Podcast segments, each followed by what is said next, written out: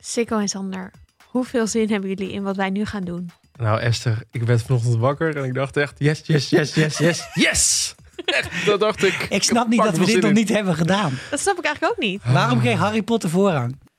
Dat snap ik wel. Dat snap ik ook wel, Sikko. Eerlijk gezegd heb ik wel zin in Ik heb de wel speciaal, Secrets of Dumbledore. Ja, ja, ja. Ziet er wel goed uit, die What? trailer. ik heb speciaal mijn ring opgepoetst voor vandaag, want er is maar één die over jullie kan heersen. Dat is mijn trouwring. Die van mij is ook precies de ring. ja, het is hetzelfde van 123gold.nl. Aspirational. Oh. Geen commentaar. Dit is de Vierkante Oogshow, de popcultuurpodcast van dag en nacht. En vandaag praten we over The Fellowship of the Ring, het eerste deel van The Lord of the Rings. Yes. Let's go. Lord of the Rings, deel 1, The Fellowship of the Ring, kwam uit in december 2001. Bijna 50 jaar nadat Tolkien het boek had geschreven. Topregisseur Peter Jackson ging de uitdaging aan om het epische fantasyboek te verfilmen. Met een sterrenkast, megabudget en op toplocaties maakte hij een visueel meesterwerk. Vind ik dat we gewoon kunnen zeggen. De film leverde ruim 313 miljoen euro op, sleepte 13 Oscar-nominaties binnen en won er 4. Maar het belangrijkst, het blijft nu, 20 jaar later, nog steeds een fantastische film die wij elk jaar met veel plezier opnieuw kijken. Is traditie bij ons thuis. Ja? 1 januari. Allemaal? Ja, Dan gaan ze er alle drie in. Het zijn ook de enige drie dvd's die ik nog heb. Ja, die same. extended DVD-versie. je bedoelt DVD-sets, want volgens mij zitten er twee discs per film. ja, en twee extra. Dus vier, dus in totaal twaalf. Ja, heerlijk. Ja, het, het staat er ook als een boek in de kast, hè? Die. Ja. Ziet er ook heel mooi uit. Ja, want het is misschien ook wel goed om even te noemen. Waarom hebben we het hier nu over met kerst? Is het nou een kerstfilm? ja, dit is een kerstfilm. Ik ben het ook echt oneens met de categorisatie die een vandaag opiniepanel laatst had gemaakt. Gijs, ik kijk jou even aan over wat dan kerstfilms waren. De- Prima, Die Hard hoort erin. Ja, eens. Maar dit is ook een kerstfilm. Oké, oké. En waarom? Want? Omdat die bij kerst hoort. Omdat er bomen in zitten?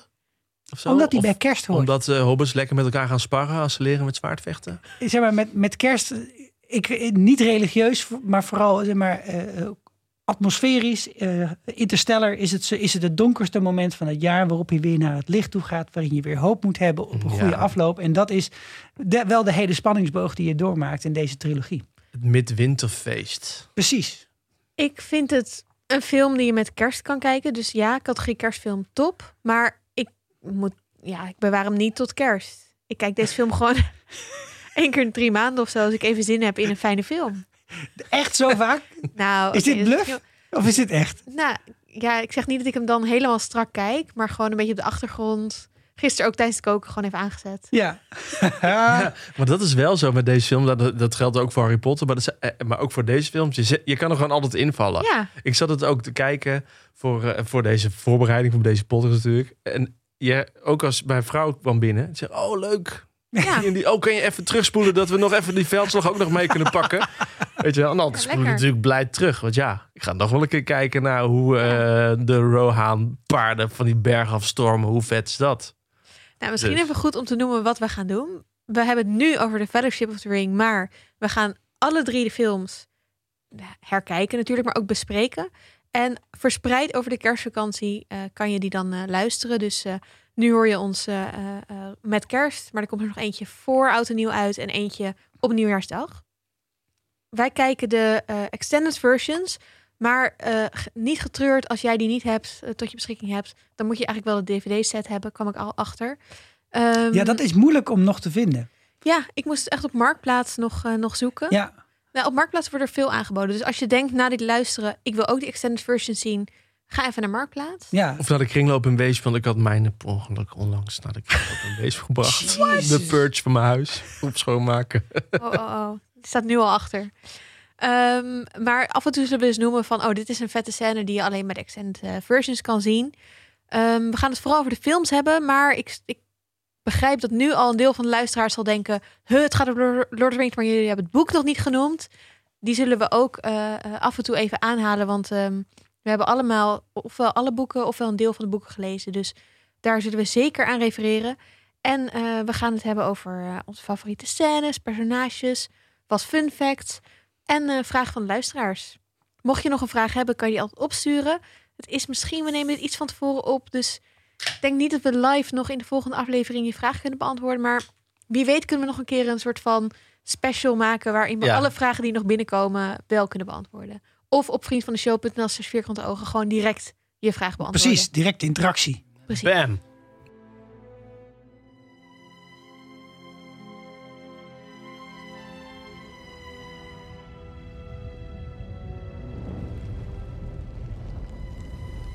It began with the forging of the great rings. Three were given to the Oké, laten we even beginnen met de context. Want jullie zijn, eh, hebben al volgens mij laten horen dat we allemaal heel blij worden van deze films. Maar hoe fan zijn we nou eigenlijk? Wat was de eerste keer dat je, dat je met Lord of the Rings in aanraking kwam? Ja, ik zou je zeggen. Ik eh, kom uit Brabant en in Kaatsheuvel heb je heel weinig. Wel een bioscoop, het Apollo Theater. Daar stonden 30 stoelen en een scherm. En daar werd Lord of the Rings getoond. En ik had toen net een nieuw, een nieuw vriendinnetje. Hoe oud was je toen? Ja, het was ik, eh 14. Hm.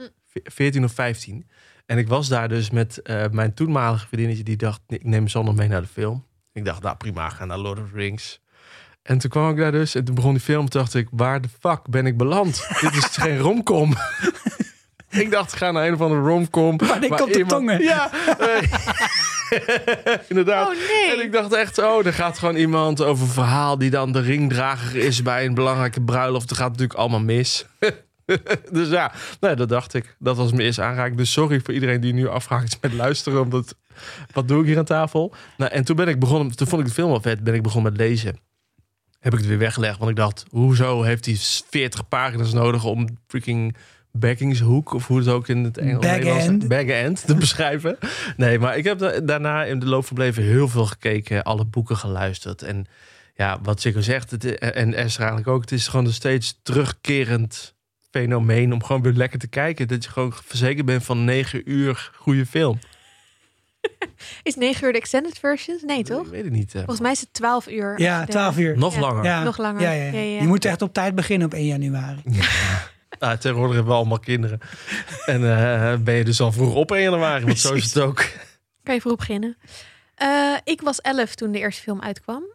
En dat was voor mij in mijn eh, beschermde omgeving, denk ik, nog een beetje te jong om deze film in de bioscoop te zien. Dus ik kan me ook niet herinneren. Volgens mij heb ik, ik weet dat ik de derde heb ik sowieso in de bioscoop gezien. Ging wel met mijn hele familie heen. Maar de eerste en de tweede volgens mij ook niet. Maar mijn opa en oma, die hadden de DVD-set. En die hadden dan boven een, eh, een heel klein tv'tje. Geen, eh, geen flatscreen of zo, maar gewoon een kleine tv. En dan mochten we altijd, als we daarheen gingen, video's kijken. En dan ging met mijn broer en zus, eh, Lord of, ja, gewoon films die daar stonden. Nou, Lord of the Rings was er één van. Ja, hartstikke vet. Ik had ook al, ik weet niet hoe oud ik toen was, ik denk 12, 13, een poster van Aragorn op mijn kamer. Oh. en dit is dus ook de film waarin ik Orlando Bloom voor het eerst zag. Waarna ik een Pirates of the Caribbean periode kreeg. Ik kwam in 2013 Die periode uit. je ook gehad. Ja, Die heb ik zeker gehad. Waar koop je een poster deze tijd nog? Ja, dat weet ik Worden die niet. nog verkocht? Die zaten dus gewoon in de breakout en zo. Interwebs. Oh Ja. ja, nee, dat begrijp ik. Maar zijn er ook, weet bij de Xenos of andere winkels, heb je ze wel in het echt, maar niet van de, waar koop je dat? Ja. Als iemand het weet, ik ben Ja. heel benieuwd. Gewoon googelen, posters.nl. Oh, we zijn oud. Gewoon uitprinten. We zijn oud. Printen, sorry. Ja, we kunnen, ja. Nou ja. Eh, dus ik eh, ehm, was wel fan toen ik klein was, maar meer, of toen ik jong was, maar misschien nog wat meer van gewoon hoe fantastisch het allemaal was, dan dat ik echt heel erg de, de verhalen of zo heel, eh, nou ja. Wat ik later, toen ik ook de boeken ben begonnen te lezen, ik moet zeggen, ik heb 1 en 2 gelezen, maar 3 nog niet. Dus die, daar moet ik nog in beginnen. Ehm, en ook doorkreeg hoe erg de basis dit is voor alle andere fantasy die ik fantastisch vind. Ja, dat is, zeker ook de Hobbit films die daarna kwamen.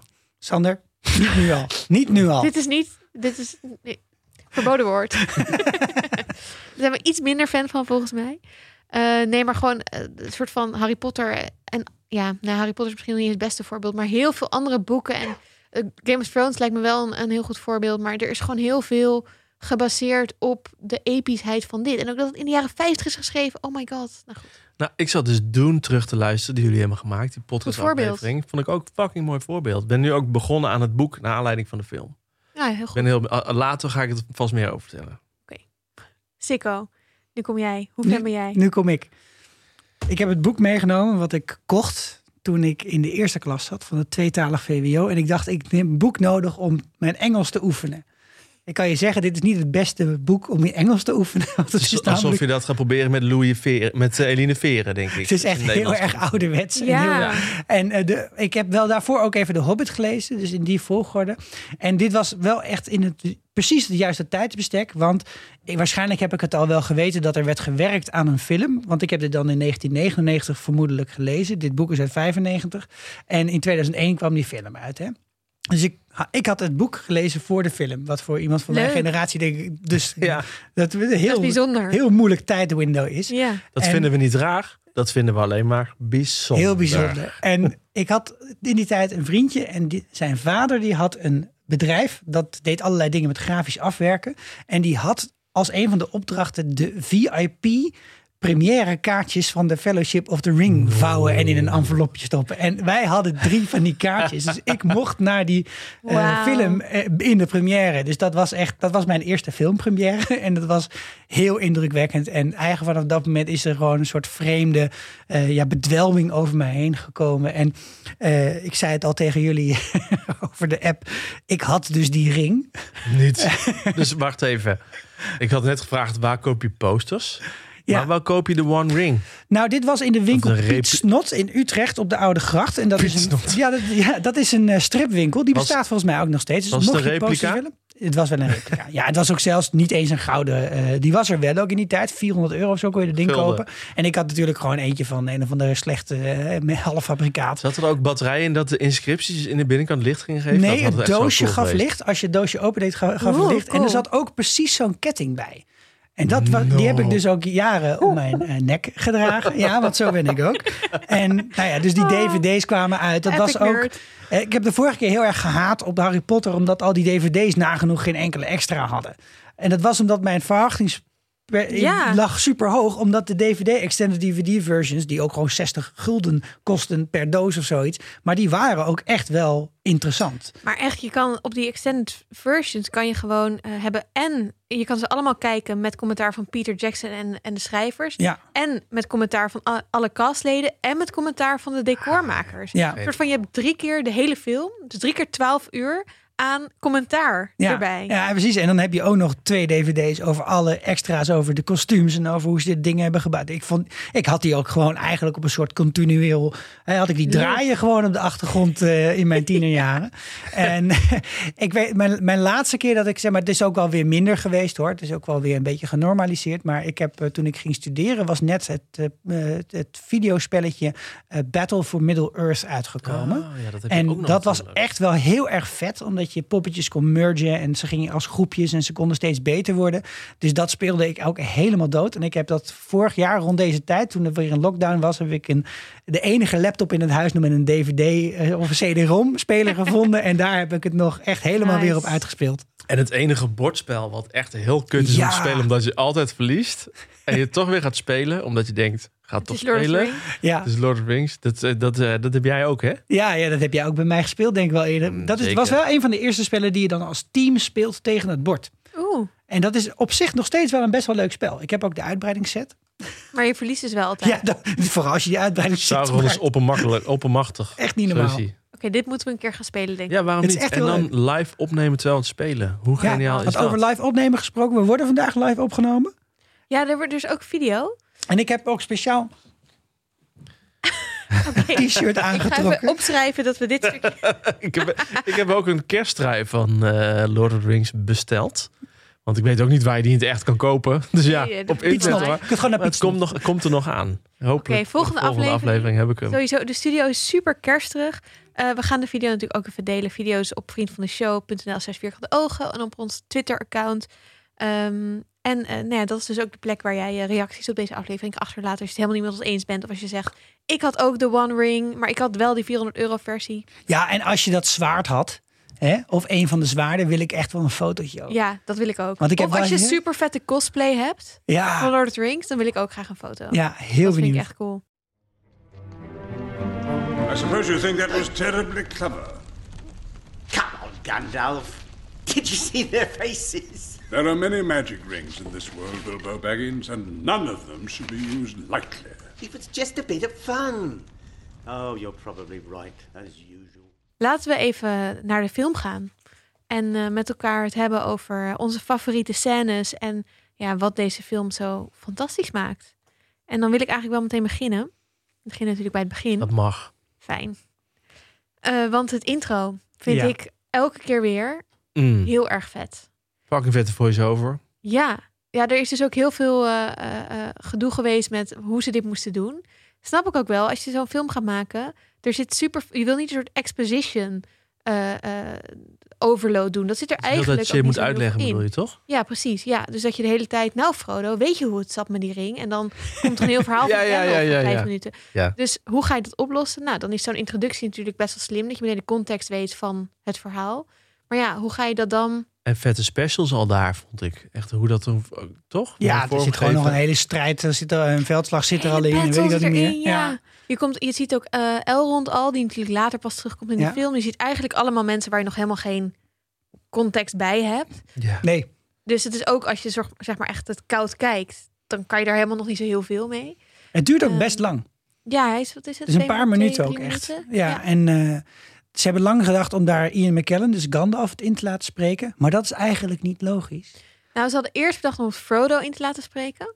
Maar dat was wel een soort van, ja, maar dan Frodo is nog helemaal niet aan het begin up to, op de speed. het speed, is. nee. Nee, toen inderdaad eh, Gandalf. Ja, maar zelfs Gandalf was er niet bij. Want ze, ze begint ook, it all began with the forging of the great rings. En je ziet ook, als je goed oplet, dat de enige die je in beeld ziet, die je ook in de film ziet, dat is Galadriel.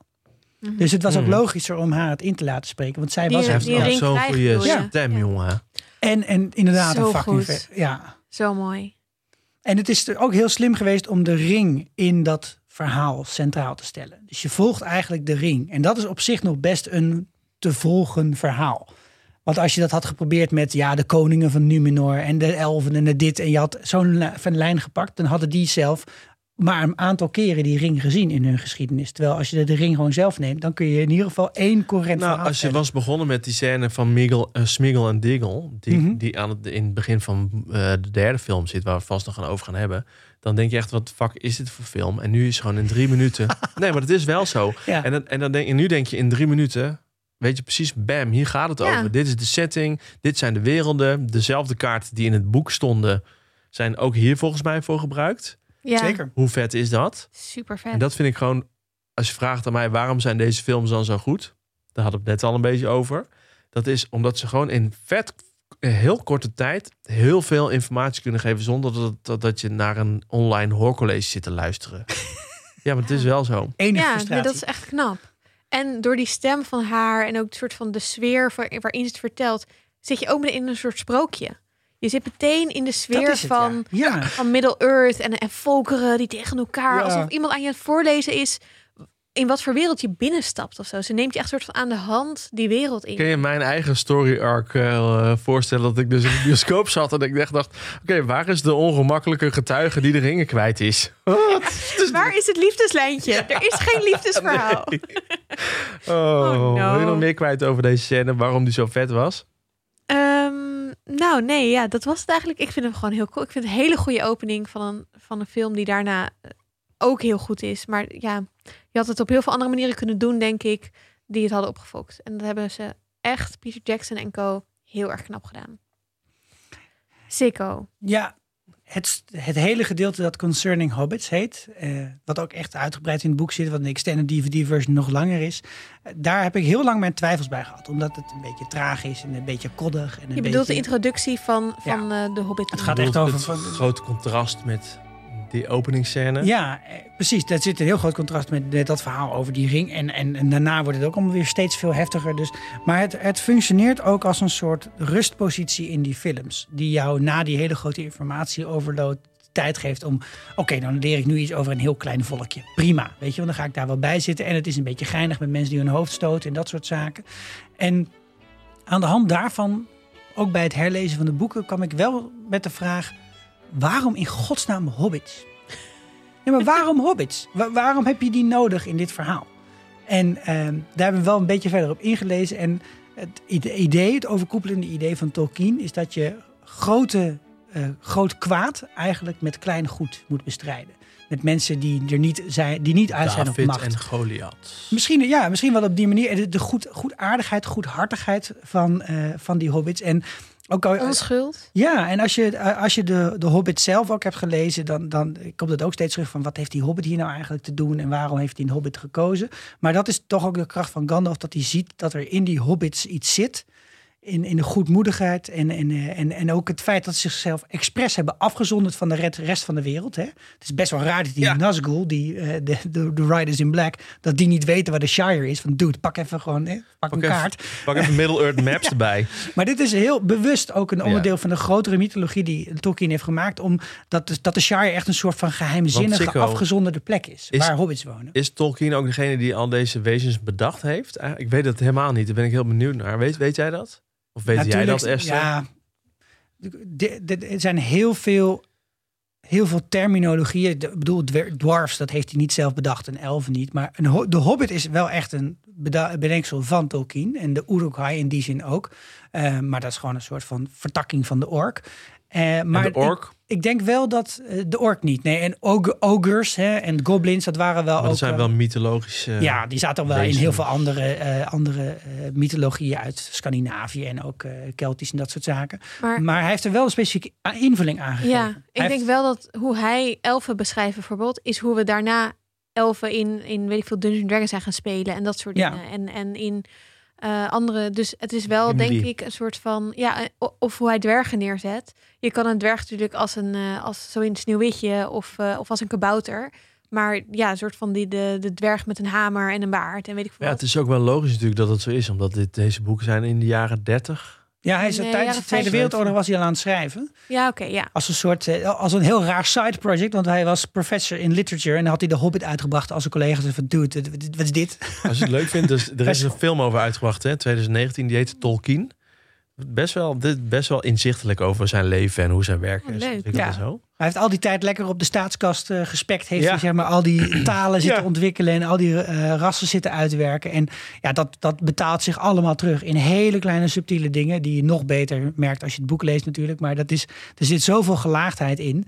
En daar heeft hij heel veel dingen in eigen smaak gegeven. Precies wat je zegt Esther. Dus de, ja, elfjes, daar heb je ook een beetje Peter Pan ideeën bij. Hè? Dat zou ook kunnen. Maar dit is een hele specifieke soort elf. Ja, en wel een elf die denk ik in onze, ehm, hoe zeg je dat?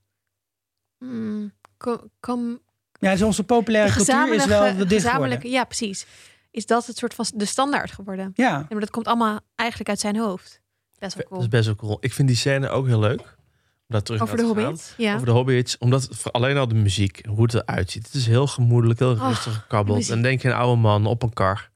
Want, want Gandalf komt Ja. daar natuurlijk aan.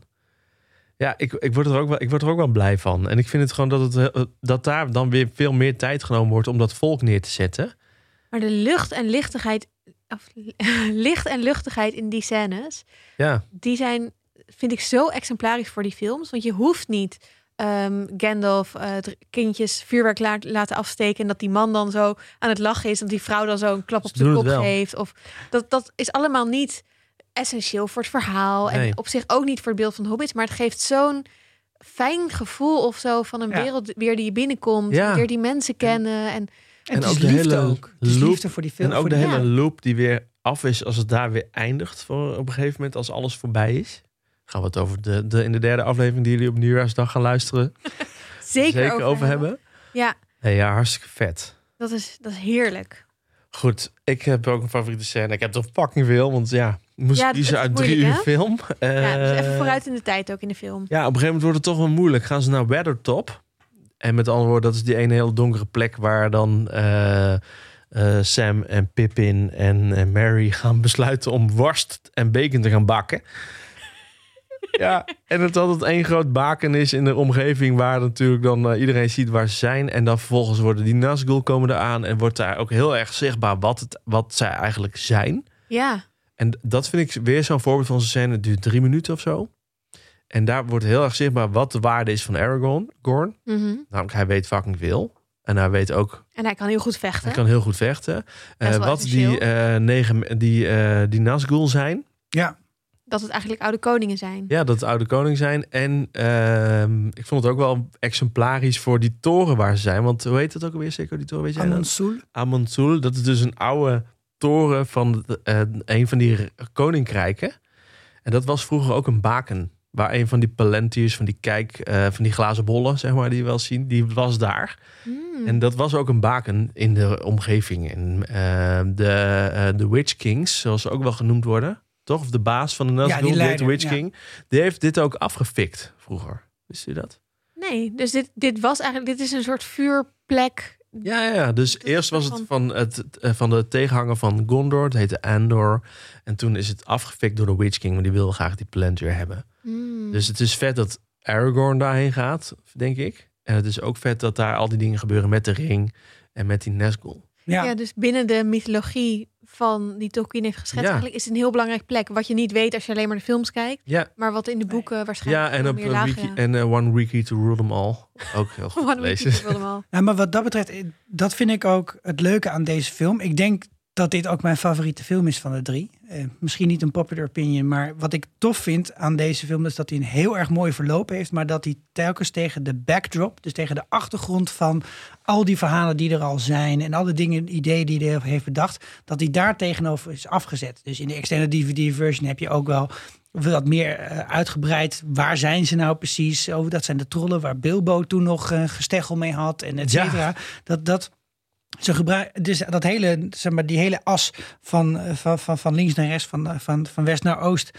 In Middle-earth, in het noordelijke gedeelte, daar hebben we al een verhaal gehad, namelijk de Hobbit. En nog al die verhalen waar jij ook aan refereert vanuit het verleden. Maar daar speelt het zich zo lichtelijk tegen af. En als je het casual kijkt, dan doet dat je helemaal niks. En als je het minder casual kijkt, dan wordt het nog mooier daarvan. Ja. Maar het werkt ook als je casual kijkt. En dat is heel knap gedaan. En je ziet ook, ook in die DVD-extended versies dat eh, Peter Jackson of Philip Boyens, eh, die beginnen steeds ook al met uitleggen van we zijn natuurlijk hier en het gaat hier en hier en hier om en dit is de geschiedenis. Dat doen zij steeds omdat zij zelf ook gewoon knijtergrote fans zijn. Ja, dat en dat maakt die leuk. liefde, die echoot steeds door in die film. Dat is gewoon Ja. zo knap. Ja, nee, dat vind ik ook. Ja, en het is ook, weet je, we hebben natuurlijk de Harry Potter eh, eh, boeken en films besproken. Daar namen we eigenlijk de boeken als het uitgangspunt. Wat ook deels komt, denk ik, omdat daar die, vind ik, de liefde voor de boeken veel minder terugkomt uit de films. Dus ze hebben echt gewoon steeds bedacht hoe adapten we deze of adapteren we de, Ja, ja, ja. eh, het boek tot een film. Behalve Annaluna, die was het hier totaal niet mee eens. Die was echt vooral groot fan van de films. Ja, dat herinner ik me ook nog heel ja, even. hè? heel goed. Ja. nee, dat is goed om even te noemen. maar eh, dat, bij deze films is, is dat gewoon heel erg vermengd. En hebben ze wel steeds bedacht, kijk, we kunnen niet het hele boek verfilmen. Maar het werkt wel allemaal heel goed in elkaar, juist omdat het boek er is. Ja. En, en dat, ja, dat mis ik bij Harry Potter helaas. Heb je nog een mening over die scène? Want ik vond het ook weer best wel mooi weergegeven voor 2001.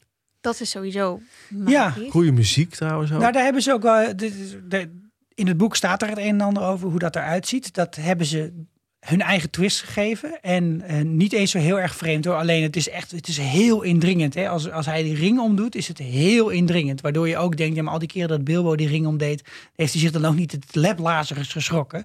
Dat, ja. Ja. dat is een beetje een op probleem. zijn eigen Ja, toch? 111e verjaardag. Dus het, het is ook, kijk, in, de, in het bijzijn van de Nazgul, van die koningen van weleer, eh is, moet het ook heel eng zijn, zeg maar, om die ring om te doen. Want je schrik je de tyfus dat je iemand eerst niet ziet. Hij is en dan wit. ineens? Maar ik heb hier een theorie over, want eh, Bilbo had die ring al heel erg lang. Dus denk je niet dat Bilbo gewoon heel erg gewend is aan de ring, terwijl Frodo nog heel erg soort van elke keer die ring heeft grauwe randjes. Zijn he- ja, maar zijn hele lijf moet nog tunen aan die ring. Terwijl dat bij Bilbo misschien niet meer zo is. Ja, nou en wat ook een verschil een zou kunnen theorie. zijn, was dat, dat zeker in de tijd dat Bilbo die ring had, dat, dat Sauron nog niet zodanig aan het zoeken Ja. was ernaar. En dat betekent dat de, de, de, de, het effect dat het op je heeft ook anders is. Dat zou kunnen. Maar het, het, ze hebben een keuze gemaakt en eh, die, die werkt ongelooflijk goed. Eh on screen. Is Ja, ja. echt vet. Eh, maar die, je kunt daar wel vragen door krijgen van hoe was ja, het dan precies. voor? Ja, en ik- vind aan die scène vind ik heel erg vet dat je inderdaad, wat je eigenlijk zei, Sander, eh, de rol van Aragorn gewoon heel duidelijk wordt. Dus eerst is het gewoon, oké, nou, iemand heeft meer informatie dan wij. En we weten eigenlijk niet of we hem kunnen vertrouwen, maar oké, we volgen hem maar. En bij deze scène is het, oké, deze gast is fucking badass. Ja, hij Die is toch- Hij was een gewoon- beetje shady nog in de in Ja, Pony. Hmm, in Brie, eh, nou ja, oké, we gaan met hem mee. En nu is het gewoon, oké, Oh, nu heb ik zin this in is the drie. guy we need. Ik heb nog een scène, want die, wij doen, zoals jullie merken, doen we de scènes van, die wij heel erg vet vinden op volgorde in de film. Chronologisch. Want ik vind de battle tussen Saruman en Gandalf in de toren. En het was niet de witte toren, heb ik me laten vertellen. Maar dat is een andere toren in Minas Tirith. Maar dit is de toren van Orthanc. Mhm. Maar het maakt me niet uit. Het gaat om die battle. Fucking vet. Toch? Je ziet daar voor cool. het eerst echt magie in werking. Ja, maar ook op een hele bijzondere manier. En dit is, dit is zeg maar een beetje het onderscheid tussen, tussen romantische en technische magie. Die, hier- dat hier gemaakt wordt. Want Harry Potter heeft heel veel gehad over hoe doe je dan spreuken. En waar, waar komen ze vandaan en wie heeft ze verzonnen, et cetera. En hier wordt helemaal gewoon niet uitgelegd. Nee, ik heb wel het gevoel dat er, dat er een heel groot dat er best wat er heel veel verschil zit tussen dat wat, wat je met die staf kan. Want ze kunnen dingen met die staf.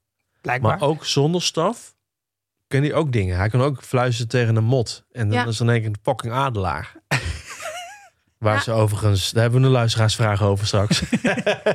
Ik eh, heb de extended version met eh, commentaar van, van Peter Jackson geluisterd. En ze zeiden dat ze een beetje in de maag zaten met hoe je magie er cool uit kan laten zien. ja. Dus niet zoals Harry Potter, wat natuurlijk die films wa- waren er toen net of niet, maar dat je gewoon eh, Pief, je pief, doet, pieuw. ja dat eigenlijk, dat is Harry Potter magie. Je wappert het ermee en er komt wat uit. En er komt iets uit. En ze wilden veel meer een gevoel geven van magie. Dus hebben ze het heel fysiek gemaakt. Dus bijna als Ja. een echt gevecht. Dus elke keer eh, eh, ze doen, de, zeg maar, ze bewegen hun armen en de ander ga- gaat zo de halve kamer door en moet er omhoog kruipen. En nou ja, ook met stuntmannen en zo, van die twee oude mannen, die, die moesten natuurlijk de hele tijd, eh, die kan je niet zomaar die hele kamer doorbeuken. Ehm, maar de, de- om het zo fysiek te maken, ziet het er wel heel erg vet uit. En eigenlijk veel minder leem dan in Harry Potter, al die magiegevechten. Ja, en ze- zelfs een stukje breakdance van Gandalf Badass. vind Ja. ik toch heel vet. Ja. Zeg maar, het enige moment dat het een beetje gebroken wordt is als hij omhoog geworpen wordt. Dan denk ik altijd van dat ziet er niet zo realistisch uit. Maar aan de andere Ja, kant, en volgens mij ziet zit- dit, in het echt ziet het er ook niet realistisch Nee, uit. niet dat-. En hoezo zit er geen plafond in die kamer? Dat is toch niet zo. Gaat hij doorheen? Een soort arena dat het dak dan dicht kan als het gaat regenen. Nou, ik denk Hoe- dat er, er zit of- wel een dak op, maar wordt een soort van magisch door het dak heen geworpen inderdaad. En dan heb je zo'n soort voemp.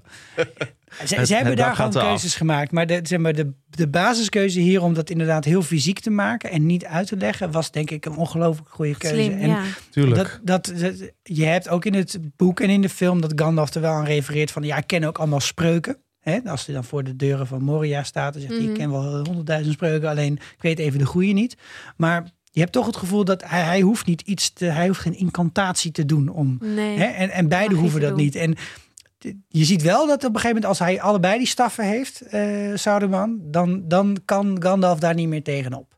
Dus Nee, er snap zit wel een soort logica in. Je hebt wel een staf nodig om je magie te richten. Zoals in het echte leven. Nee. Waarvoor je het are vet- penises. Toch? Yes, they are. They are. Tuurlijk. Eh, maar vond je het heel vet voor die, door die fysieke magie? Of wat maakt dat, dat, je dit, dat het een van je favoriete scènes is? Ik vind dat het gewoon vet in beeld gebracht was. En ik dacht ook, je ziet, ja, je ziet niet echt hoe machtig Gandalf is. Of, of Gandalf machtig is. Je ziet het als een aardig man.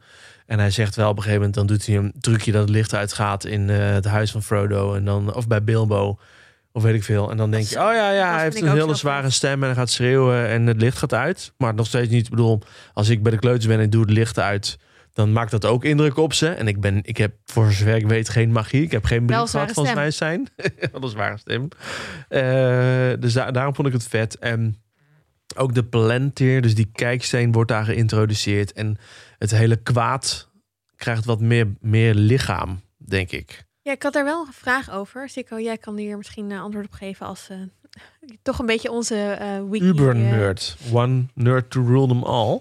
Ja, Ehm, ik heb nooit zo goed begrepen. Dus voor mij, als niet, zeker toen ik het boek nog niet had gelezen, was het: je hebt Saruman en, en eh, ehm, eh, Gandalf, en die zijn gewoon de, de goede wizards, zeg maar. En Saruman is nu slecht geworden.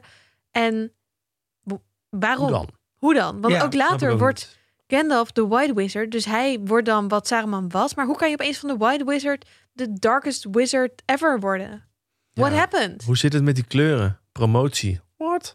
Ik begin met die laatste vraag van Esther. D- dat duurt heel lang om, om de evil wizard te worden.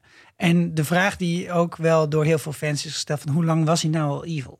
Ja. En daar kom je als je het boek The Silmarillion leest wel een beetje meer achter. Probeer te lezen, zou ik willen zeggen. Ja, nou, de- die appendix over de ring en dat soort dingen is, is wel Kan te je nog iets lezen. zeggen over dat boek? Ja, dit is wel een later uitgegeven boek met eigenlijk verhalen van voor, nog ver voor de, eh, voor, voor de Hobbit en nog ver voor Lord of the Rings. Een prequel. Ja, ehm, dit, hè, dat gaat over de. Je hebt de first, de second en de third age. We zijn nu in de derde tijd. Dat is een beetje de, de bronstijd, oftewel de, de, de, de meest vervallen eh, vorm van, eh, van, van beschaving. Want eh, als je in de first age bent, dan zit je eigenlijk met halfgoden op aarde. Beetje zoals de Grieken ernaar keken, heb ik mij Mhm. laten vertellen.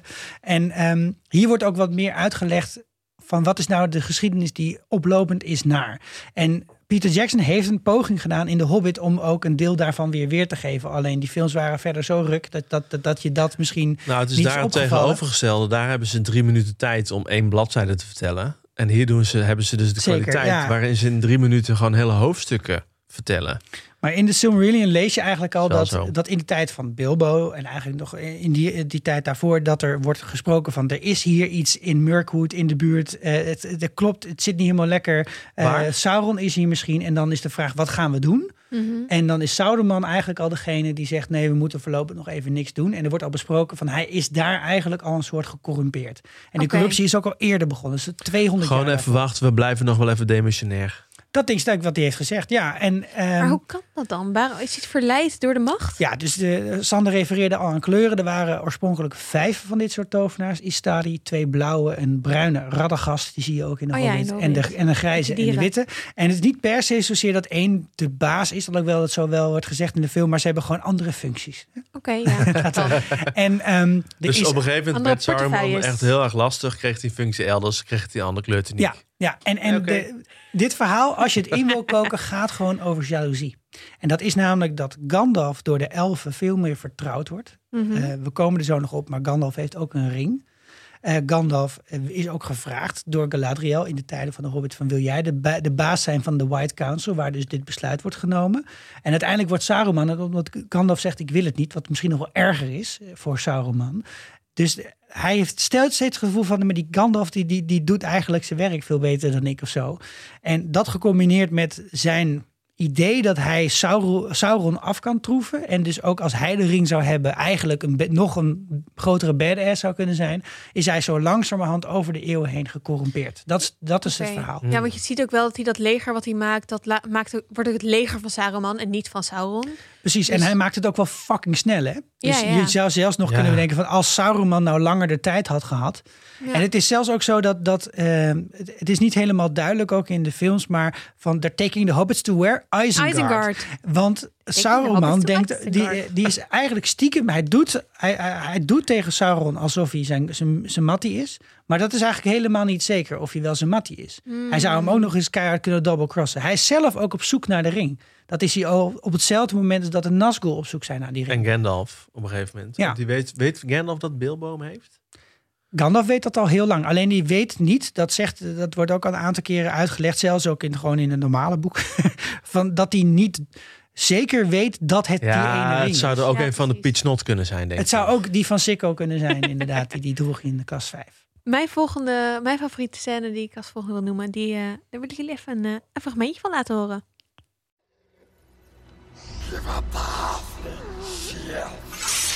If you want him, come and claim him.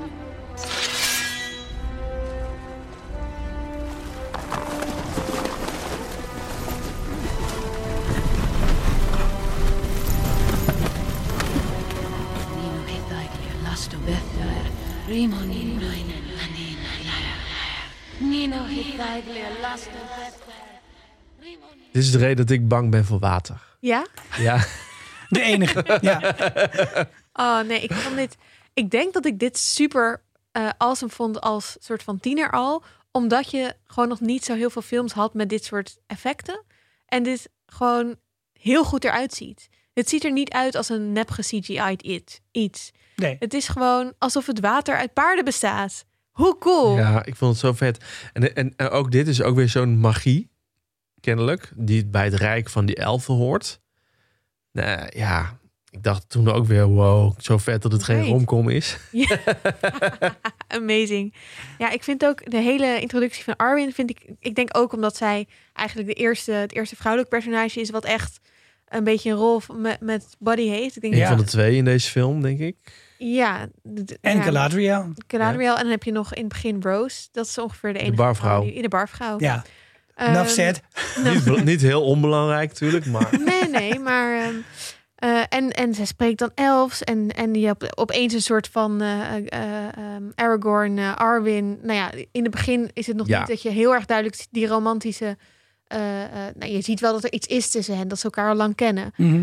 Ehm, en dan die, dat amazing stuk dat ze op dat paard door die Nazgul achterna wordt gezeten. En kei zo vette scènes zijn dat, hè? Zo cool. En hebben ze dus echt ook zo opgenomen daar. Ja, ik heb dit inderdaad nog even laten checken door Annaluna. Maar dit, dit is ook echt zo, zo rij je paard. Ja, Ja. ja, ja.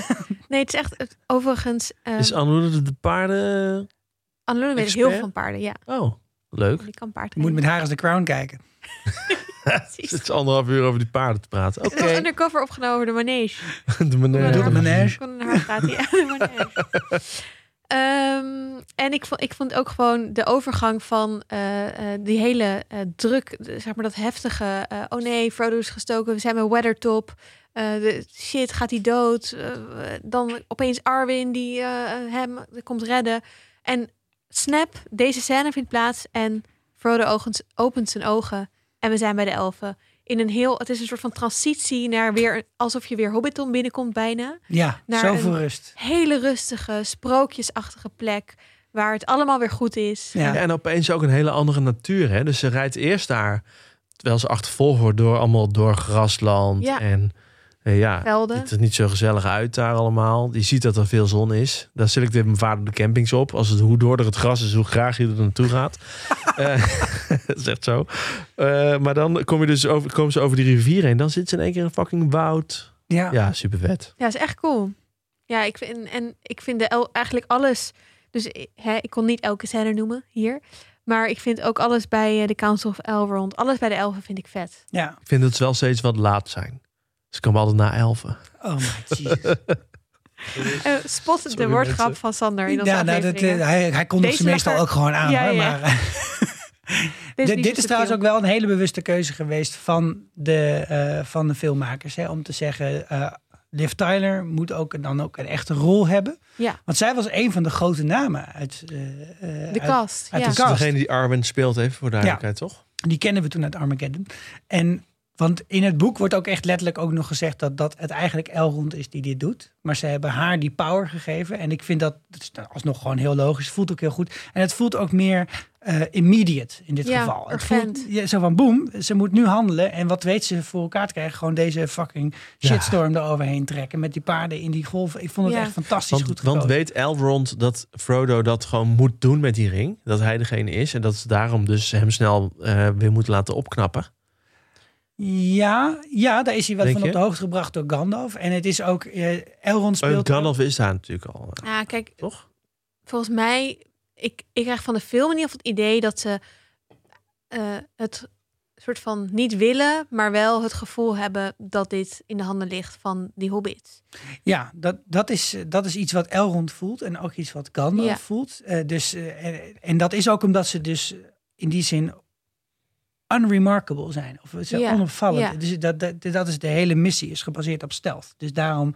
Het, maar ja, zij, zij voelen dat. Hè? Ja, precies. Ja, dus het is niet van, oh, dit is wat moet gebeuren. We hebben het overlegd, er is een plan, er is een strategie. Maar meer, dit zijn waarschijnlijk wel de mensen, of de hobbits in dit geval, die Ja. het moeten doen. Ja, en, en het komt hier heb je er natuurlijk. in dat verhaal ook heel mooi samen. Want eigenlijk de enige persoon op heel, in heel Midden-Aarde die Frodo zou kunnen genezen, is ook echt Elrond. Ja. Het is niet helemaal helder. El Elrond heeft ook zo'n ring. Een van de drie ringen. En eh, het is niet helemaal helder wat die ring doet. Sowieso heeft het iets te maken met lucht. En het heeft ook iets te maken met genezing. En het is ook nodig voor het eh, beschermen van Rivendell.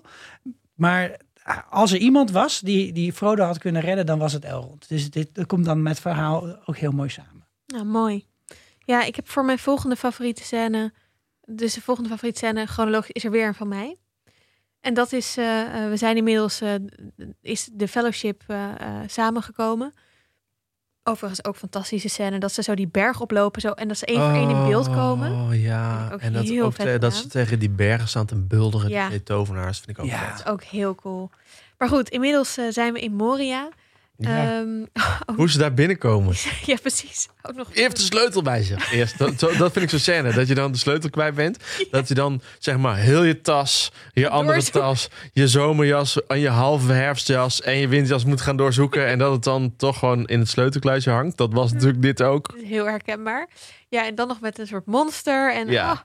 ah, er gebeurt zoveel. Ehm, en dan is er weer een momentje van rust. En dat is als ehm, eh, Gandalf eigenlijk de weg kwijt is. En ze even moeten wachten bij een splitsing. Ja, Ehm, waar hij zich niks van herinnert. nee. En dat is weer een een moment dat ik even met jullie wil delen. Leuk. I wish the ring had never come to me. I wish none of this had happened. So do all who live to see such times, but that is not for them to decide. All we have to decide is what to do with the time that is given to us. There are other forces at work in this world, Frodo, besides the will of evil. Bilbo was meant to find the ring, in which case you also were meant to have it. And that is an encouraging thought. Ja, ik zei dus net al dat ik deze film gisteren tijdens het, eh, het koken en het eten nog een keer heb gekeken. Ik, moest, ik ben melanzale parmigiana gaan maken. En dat Ja, ik heb het gezien op je Instagram. Ja, ik had er lekker over geïnsta. Wat? Lekker. Ehm, ik had een heerlijk recept van Annaluna gehad. En eh, dat is echt de, de person to go to voor de Italiaanse recepten. Paarden en Italiaanse recepten, mensen. Ja, dat is, Maar dat ook recepten met paard. Nou goed, En dat duurde heel lang. Niet Dus ik hoeven kon- zeggen. Het moest lang in de oven en zo. Dus ik kon lekker precies goed de niet-extended version kijken. Ehm, en ik had dus bij deze scène opeens een andere realisatie dan ik normaal heb als ik deze scène Dat is zo cool, hè? Dat is ik, zo leuk als ik dat heb bij dingen. Maar hij zegt natuurlijk, ehm, we, moeten, we moeten doen... Nou, eerst zegt hij dat, dat het altijd gebeurt bij mensen die in, in donkere tijden leven. Dat Ja. die twijfelen aan, ja, ik wou dat dit me niet was overkomen. En dan zeg je, ja, maar dat, dat, dat, is, dat hoort erbij als je in een, in een moeilijke tijd leeft. Maar we moeten doen wat we kunnen met de tijd die ons gegeven wordt, zegt hij basically.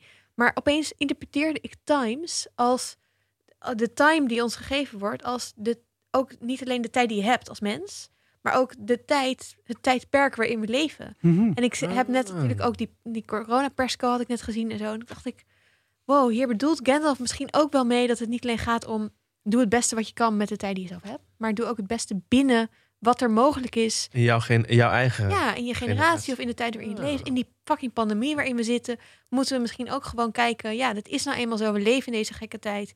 Maar we moeten doen wat we, wat we kunnen. En dan alsnog proberen. Het is een beetje de positivity vibe. Die die Ja, ik weet niet. Het kwam echt even binnen bij mij.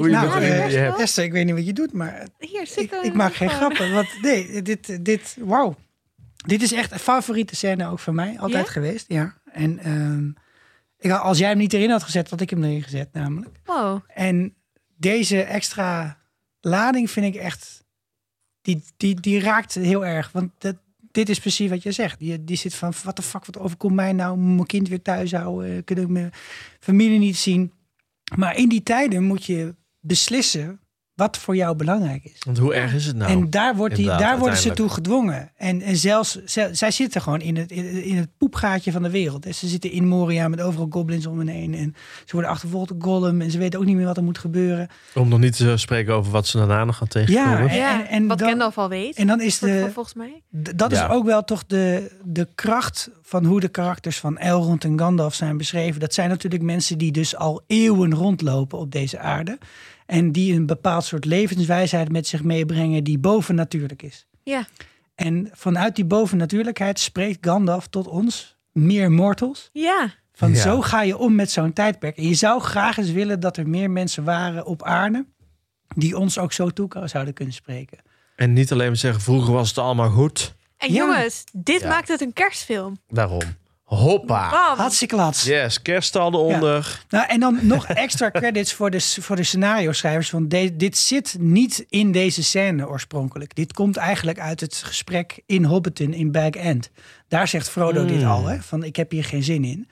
En dan zegt Gandalf het volgende. Maar het, het is op deze plek, zo midden in die film, midden in de mijnen van Moria, is het nog veel effectiever. Ja, Nee, dit is de beste scène van de film. thanks. Ik, ik vind dit ook. Esther heeft is gelijk. Nou, mooi. De Ja, rest daar zijn we we over uit. skippen. Dan zijn we klaar. nou, eh luisteren jullie volgende week weer? Nee, nee want Sikko, we gaan, ik, ik hintte er net al naar. Ja, Maar dan. maar Ja, dan, ja. Hier komt toch ook wel een favo van jou. Nou, niet alleen van hem, want hij had hem geclaimd. Oh ja, ik, ja, ik heb hem vrij vroeg geclaimd, inderdaad. Volgens mij heb je Ehm, het hele draaiboek gemaakt om dit erin te kunnen zetten dat je het hierover wilde hebben. je hebt me door. We gaan zo eventjes luisteren naar het fragment. En het zijn eigenlijk maar een paar zinnen.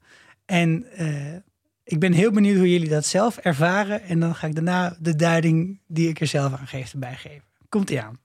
am servant of the secret fire, wielder of the flame of Arnor. The dark fire will not avail you, flame of Udun!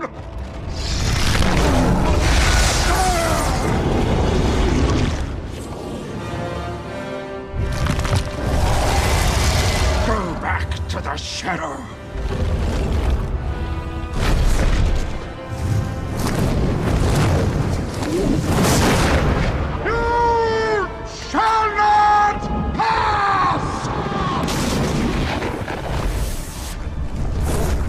Dit is een scène die door heel veel van onze luisteraars ook werd aangegeven als een favoriete scène. Ja. Het is ook echt, het is, het is een magistrale scène. Het is ook een meme. Het is Het een, is ook een ja, meme. Het is zeg En- maar samen met One Does Not Simply Walk Into Mordor. Zeker, Van, zeker. van Boromir is het Ja. de tweede meme You van... shall not pass. Ik heb ook zo'n t-shirt met dan de, de Black Knight van de Holy Grail tegenover Gandalf. en dat is de impasse. want None shall pass en you shall not pass. Maar wat hij daarvoor zegt is dus eigenlijk voor, voor zeker voor de, voor de fan eh, people is het nog extra mooi. Want hij, hij doet een exposition tot en met. Hij, Hij zegt gewoon even als. Hij leest bijna heel cv even. Ja, want hij is dus de keeper of the secret fire, the servant of the secret fire, the wielder of the flame of Anor. Dus hij heeft een ring, Gandalf, en dat is een ring met een rode emerald erin. En dat is een van de drie ringen die we in het begin zien. Ik heb dat heel lang zelf niet begrepen, maar hij heeft hem dus gekregen van een van die elfen. Die, van, die kan hem beter bij jou Oh. laten. Dus Elrond heeft de andere en Galadriel heeft nog steeds degene waarmee ze was begonnen. Ze heeft niet geswitcht. En dat betekent... onderling gehad van, van ruilen Nee. huilen. De- de- de- Er mist nog een klein stukje in de film eh, dat, dat hij eigenlijk eerder al een soort van standoff heeft eh, in de Tomb of Balin, zeg maar. Maar dat, ik vind het heel goed geknipt en heel goed gemaakt dat ze het zo hebben gedaan. Ook dat hele dunne, enge bruggetje waar het dan op moet gebeuren. Eh, en het is, het is, het is die, die confrontatie is fantastisch. En. Precies, hij staat hier tegenover een balrog. Hij noemt het ook een balrog, niet de balrog, een balrog. Waarom? Omdat er waarschijnlijk ooit wel twintig of misschien wel honderd balrogs waren. En de balrogs en de Istari of de Maiar, dat is zeg maar het soort half engelgeslacht waar Gandalf ook toe behoort, maar ook de balrog, dat dat eigenlijk de enige zijn die aan elkaar gewaagd zijn. Dit zijn echt eh, Een soort van de titanen of zo. Ja. Doet me een beetje aan Griekse mythologie denken. Dus Van de eerste... Precies, precies. En hij, en hij zegt ook gewoon tegen de rest van jongens, dit this foe is beyond you. Loop maar door, want dit heeft Ja. echt geen zin. Fly. En Sean, eh, Sean Bean, bedankt voor, voor toeteren, maar dit gaat gewoon niet werken. Later, run you fools. En, ja, en dat zegt hij. ik vind dit moment ook zo fantastisch gemaakt, omdat het in het verhaal.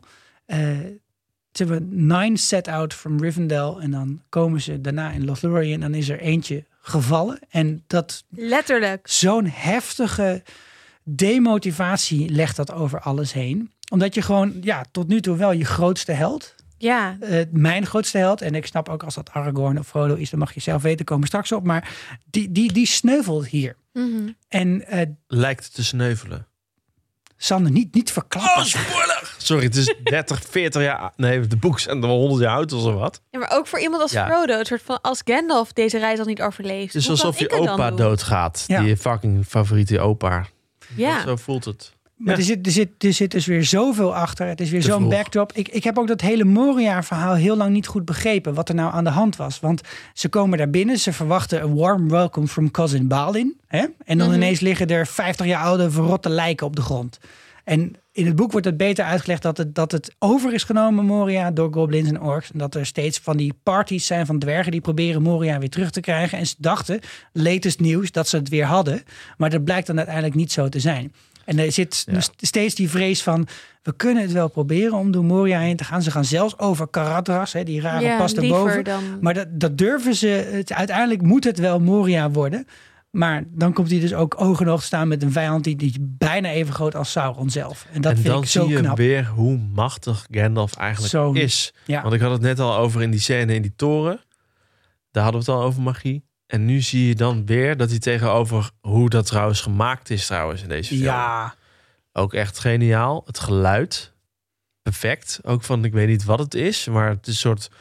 Ja, is ze zullen soort- wel weer een en kruising een, eh, tussen, Het is een soort kruising tussen, eh, eh, hoe heet die, die Wookie. Chewbacca. Dus even een soort kruis tussen Chewbacca en een luchtballon.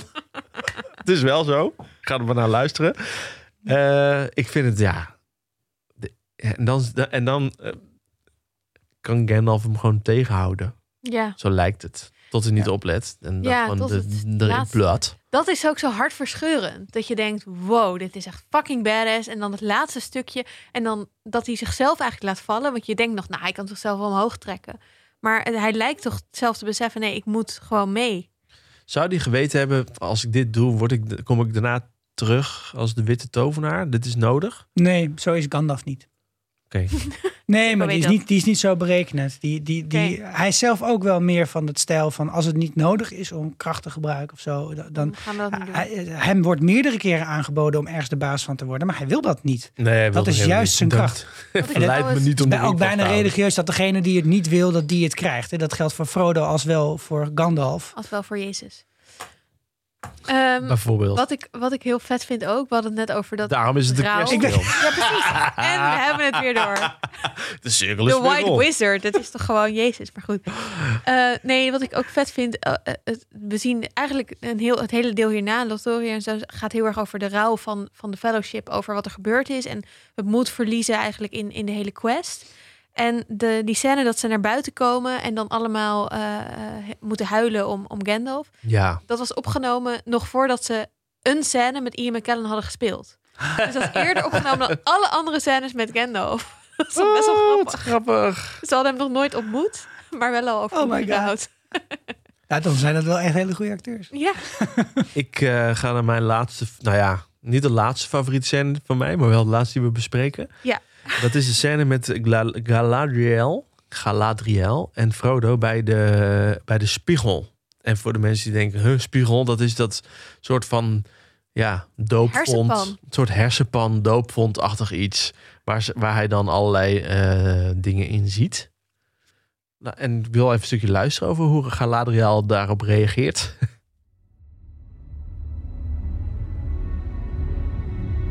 Place of a Dark Lord, you would have a queen! Not dark, but beautiful and terrible as the dawn! Treacherous as the sea! Stronger than the foundations of the earth! All shouts of free and despair!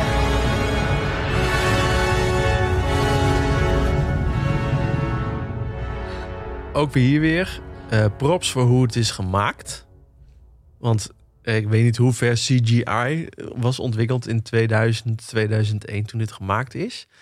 En het, het lijkt heel erg op dat je zeg maar kleuren gaat inverteren of zo. Dat de lichte kleuren donker worden. En dus, maar ik vind het heel vet. En wat ze met die stem van haar gedaan hebben is ook heel vet.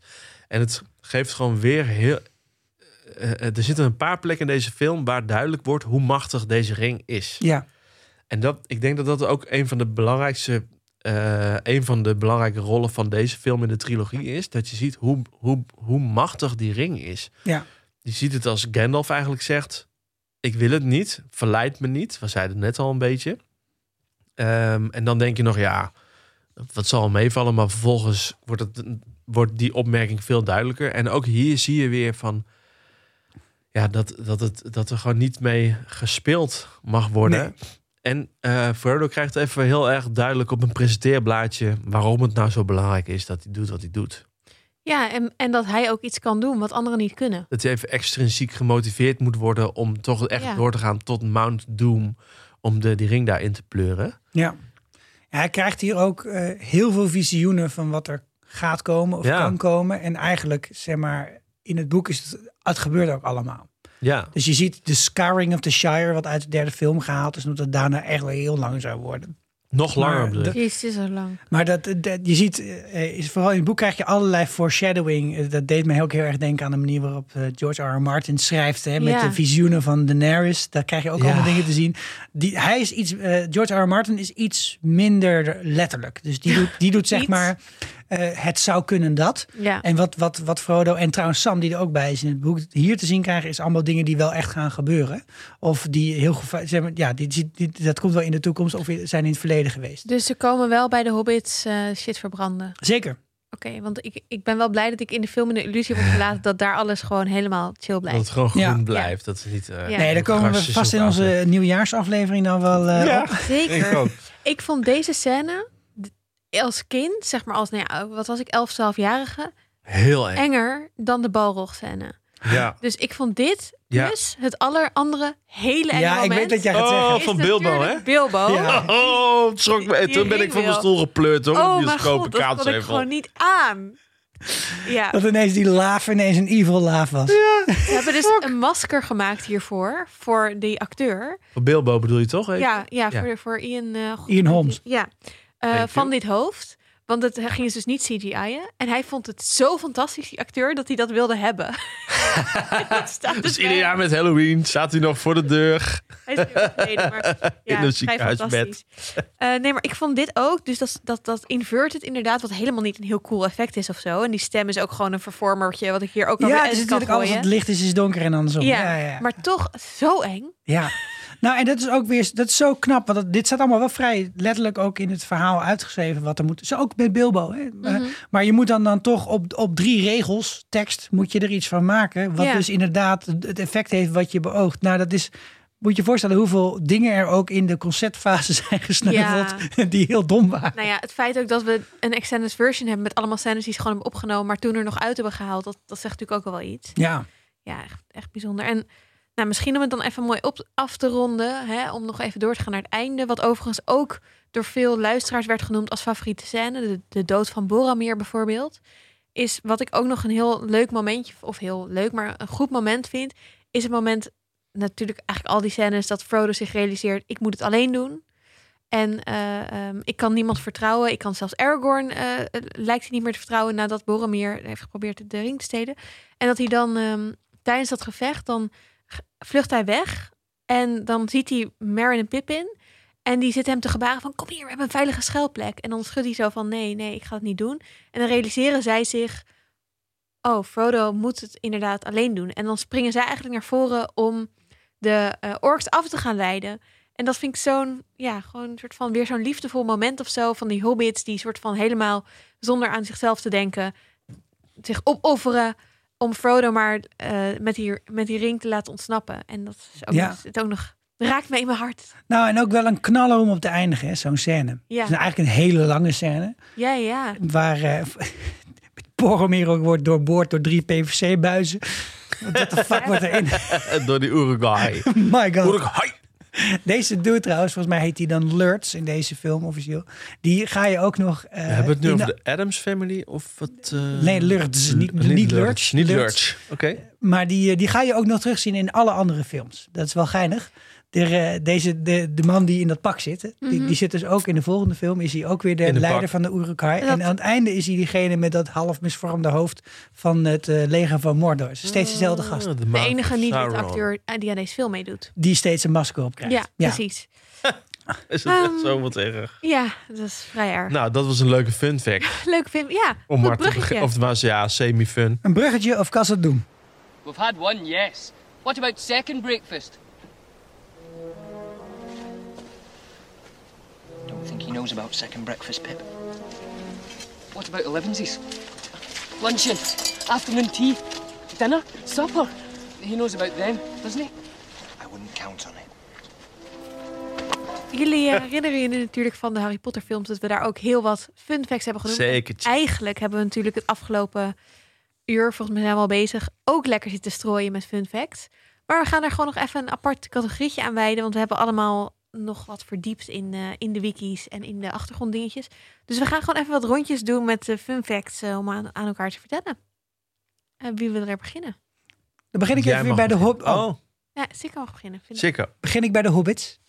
Eh, Hobbits. De architectuur van Hobbitholen. Mhm. Ja. Daar zit, een hele, eh, er zit een hele rang in, zeg maar. Dus eh, zoals je misschien ook wel ziet in de film, zijn er in de Shire, of eh, in de buurt van Bree bedoel ik, zijn er eh, hobbits die wonen echt in soort huisjes, in soort dwellings, een soort hutjes. En naarmate je dichter bij Hobbit in de Shire komt, komen er eigenlijk meer hobbitholen. En eh, Bilbo is een freaking rijke hobbit. En de Baggins zijn ook allemaal heel erg rijk. Dat herinner ik me ook nog van het boek. Dat ze Ja. allemaal aan het bietsen zijn wie, Ja. wie in zijn testament Ja. mag. Zeker. Zeker. Nou, en En dat, trouwens- helemaal Frodo, en dat. Frodo dan thuis komt na 13 maanden. En dat dan echt de halve inboedel al verkocht is aan allerlei andere neven en nichten. Trouwens zijn de Brandy Bucks, dus Mary Haddock, Mary is ook heel rijk. eh, maar de, Oké, fun fact. hoe je ziet dat het echt een welgesteld hobbithol is, is, is het feit dat het echt onder een berg zit. Met zo'n ronde deur. Dat hij een En mooi pakketje op de vloer hebt is. liggen. Dus, dus eigenlijk hoe, hoe holiger, hoe rijker de hobbit. Leuk Cool. fun fact. Toch? Ik heb ook een fun fact die zich aan het begin van de film afspeelt. What? Namelijk dat eh, ze eigenlijk niet een rokende Gandalf eh wilden in de film. ook al is dat wow. in de boeken dus wel eh, heel, heel duidelijk. Maar ze dachten, ja, dit moet toch voor een breed publiek. En we kunnen toch niet zomaar een, de hoofdpersoon wel laten vet roken. 20 jaar geleden. Want toen Ja. mocht je overal nog roken, zowat. Waren ze toen al mee bezig. Dus ze hebben eigenlijk al die scènes in eerste instantie opgenomen. Zonder pep. Ze hebben meerdere takes gedaan Ja. zonder pijp, maar dat hij aan het smakken was op Koud eh, karamels. Oh. Dat hij aan het afkicken was, zou het idee zijn. was dan een lijntje van zijn pijp. Het nicotinepleisters. Dus heeft ook eh eh Ian McKellen daar gewoon steeds zo half smakkend die zinnen moeten uitspreken. En dat hij dan, nou ja, maar het werkte toch niet. Oh, dat zou echt vet kut zijn geweest voor de mensen die het irritant vinden om naar eetgeluiden te luisteren. Hoe heet het ook alweer? Misofonie? Misofonie. Ja. Fobie. Ook apart. Dan ben je bang voor mensen die Het eten. roken van pijp is ook iets wat is helemaal specifiek iets voor hobbits. Het komt zelfs ook in de introductie van het boek. Gaat het gewoon over concerning pipeweed. Dat het dat echt iets is. Wat? En, en maar, maar het is dus ook iets van Gandalf dat hij weet hoe die moet roken. Wat laat zien dat hij zichzelf ook heel erg inleeft in de mensen met wie hij omgaat. Oké, over Gandalf gesproken. Wist je dat Sean Connery eigenlijk gecast was voor Gandalf? Nee, dat wist ik niet. Ja, dus Sean- Sean Connery zou eigenlijk gecast worden voor Gandalf. Maar hij heeft ervan afgezien. Omdat hij het script had gelezen. En daarvoor ook het boek had gelezen. En hij zei, ja, ik begrijp hier geen fuck van. Dus ik ga niet ergens waar ik geen fuck van begrijp, ga ik het gewoon niet doen. En later heeft hij ook nog gezegd dat hij de films had gezien. Dat hij zei, ja, ik begrijp er nog steeds geen fuck van. Dus Sean, als je luistert, hopelijk begrijp je nu wel. En volgens mij is hij dood.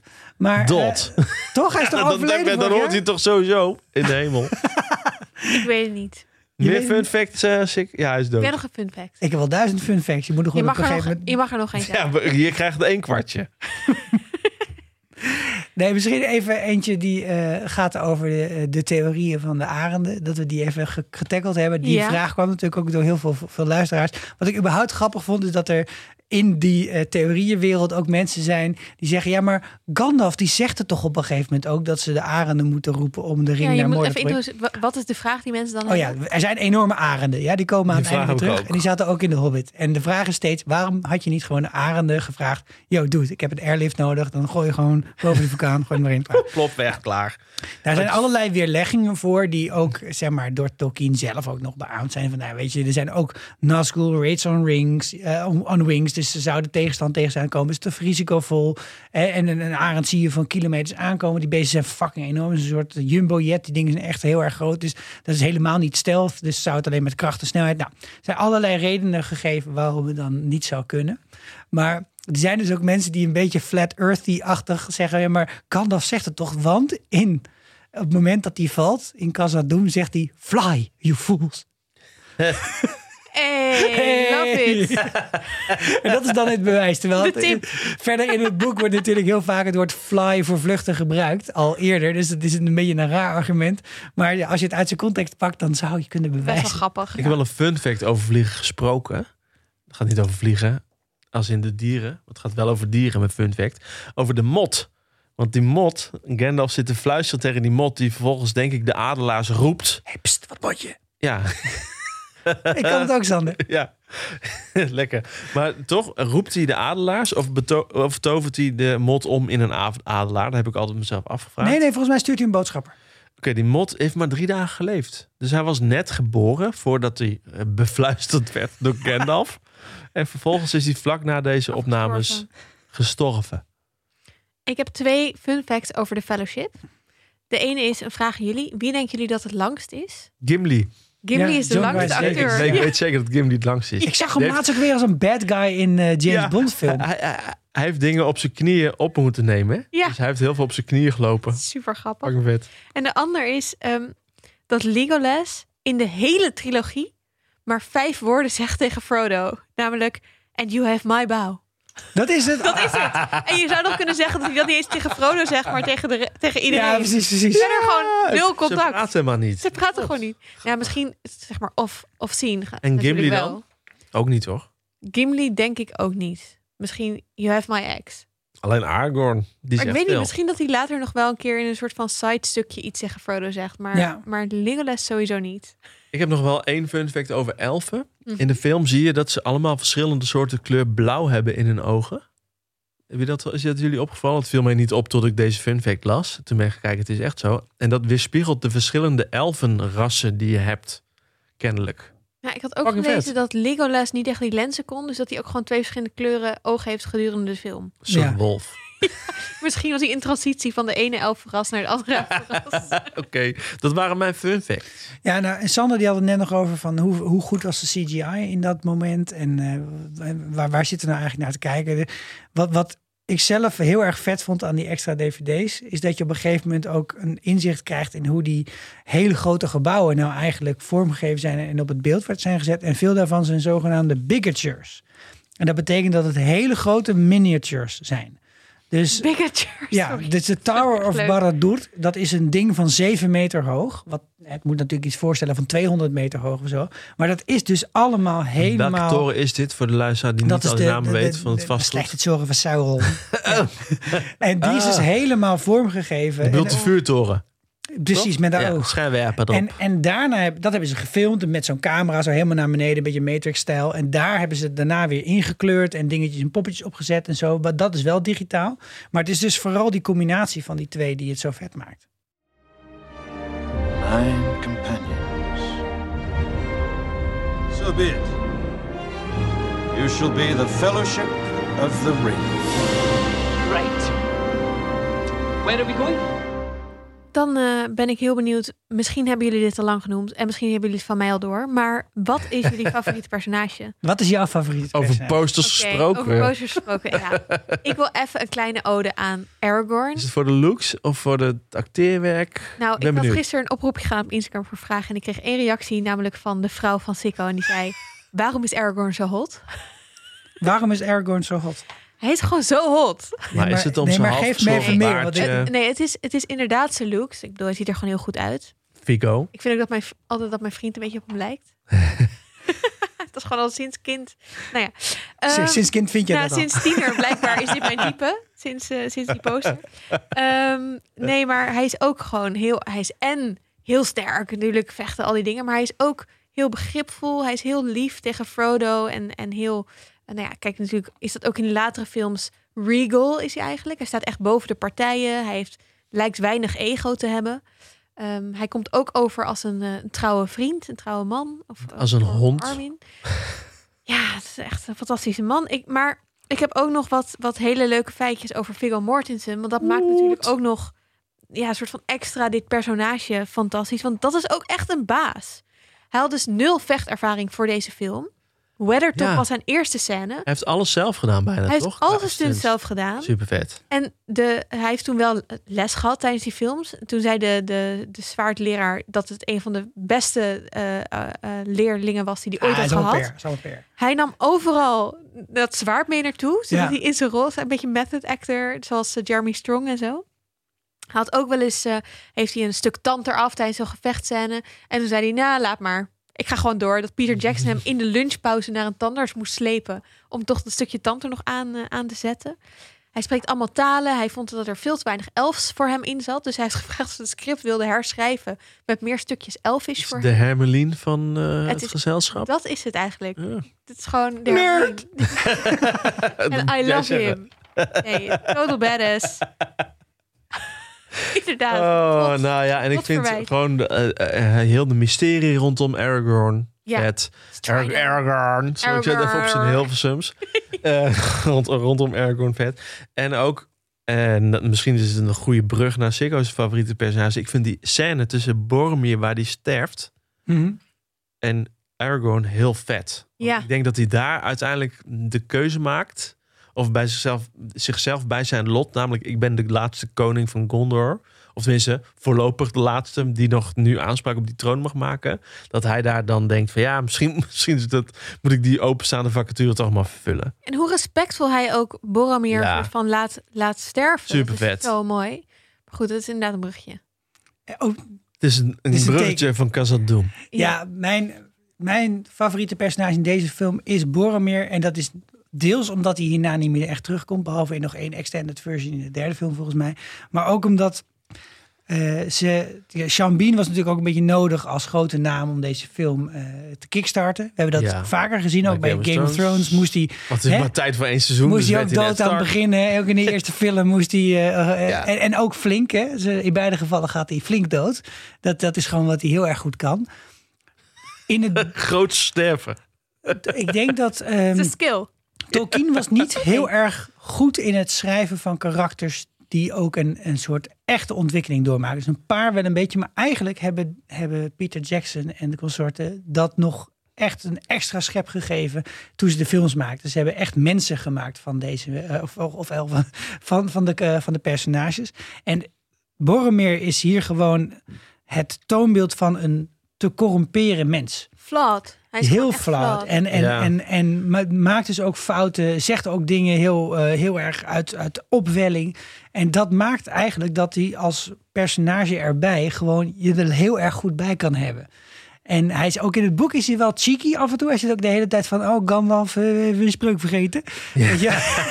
Maar dit is weer zo'n voorbeeld van dat je ook hier door hem ziet, als soort van plot device, hoe machtig die fucking ring is. Ja. En hoe belangrijk het is dat Frodo dit gaat doen. Ja, dus ook die scène bovenop de berg in de sneeuw. Met die ring, die overigens dan in het echt... Dat kan natuurlijk niet met een camera. Die ring is dan ook echt een fucking mm, wc-bril van een ring. Maar die, eh, die scène dat hij dus een soort van twijfelt of hij moet nemen... maar dat Aragorn hem ook zo aankijkt. Dat is van het tweeluik wat jij beschrijft. Is dat het eerste luik en dan in het tweeluik... daarna als hij overlijdt, dan krijgt hij ook zijn redemption weer helemaal terug. Van, oh shit, ik heb het verkeerd bedacht. En die had het eigenlijk gelijk. En dat Ja. vind, ik gewoon heel erg mooi in deze film. Terwijl hij eigenlijk was dus na de helft, eigenlijk op DVD 2 komt hij er pas in. En voor het einde van DVD 2 is hij er al uit. Vind ik dat hij een hele grote stempel drukt. Dus wat dat betreft is dit wel een van de, mijn favoriete karakters uit deze film.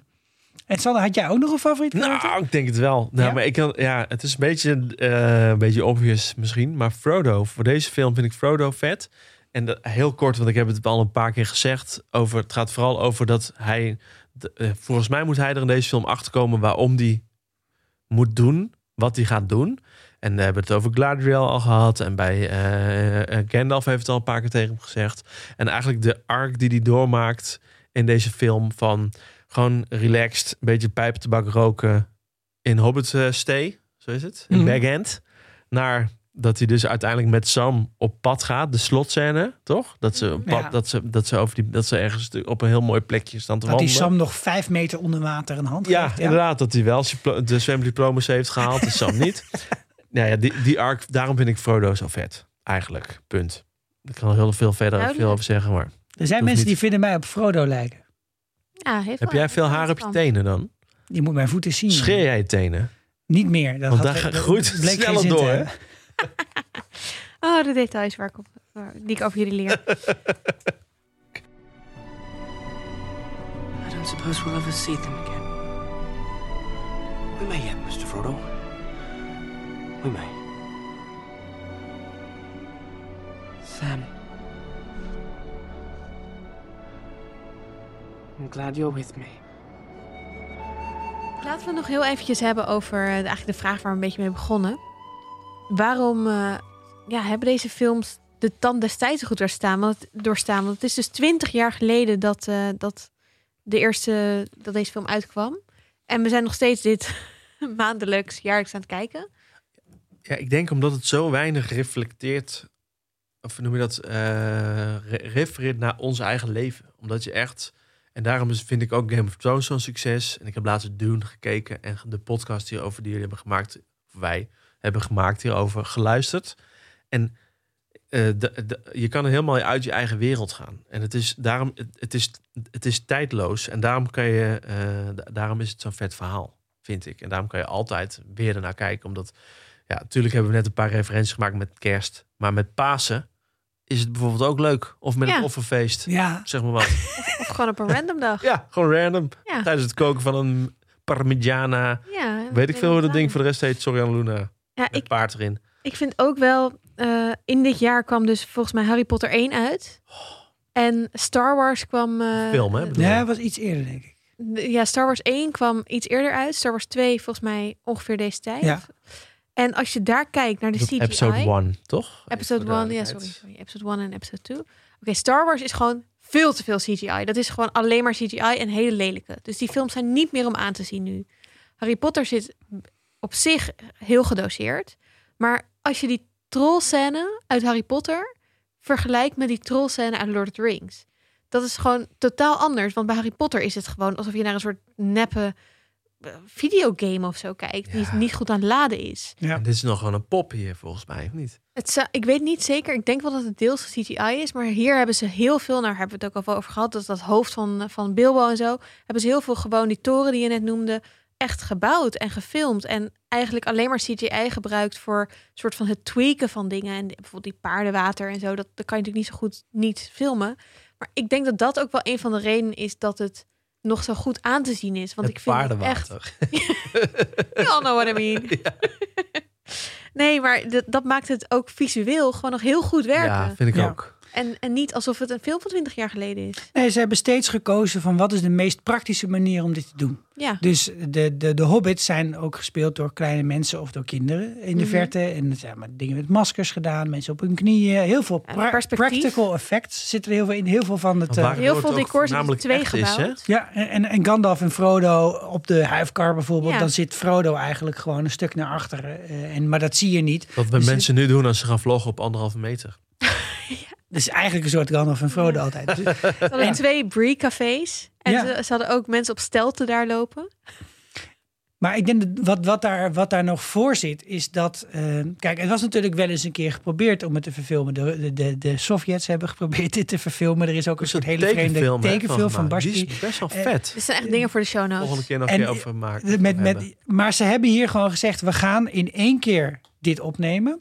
Eh, oorspronkelijk hadden ze zelfs bedacht om twee films te maken, maar zijn er drie geworden. En ze hebben gezegd: we gaan dan ook de immersion therapy compleet maken. Dus ze hadden gewoon een eigen departement voor CGI, Weta Digital, ze hadden Weta workshops om al die shit te maken.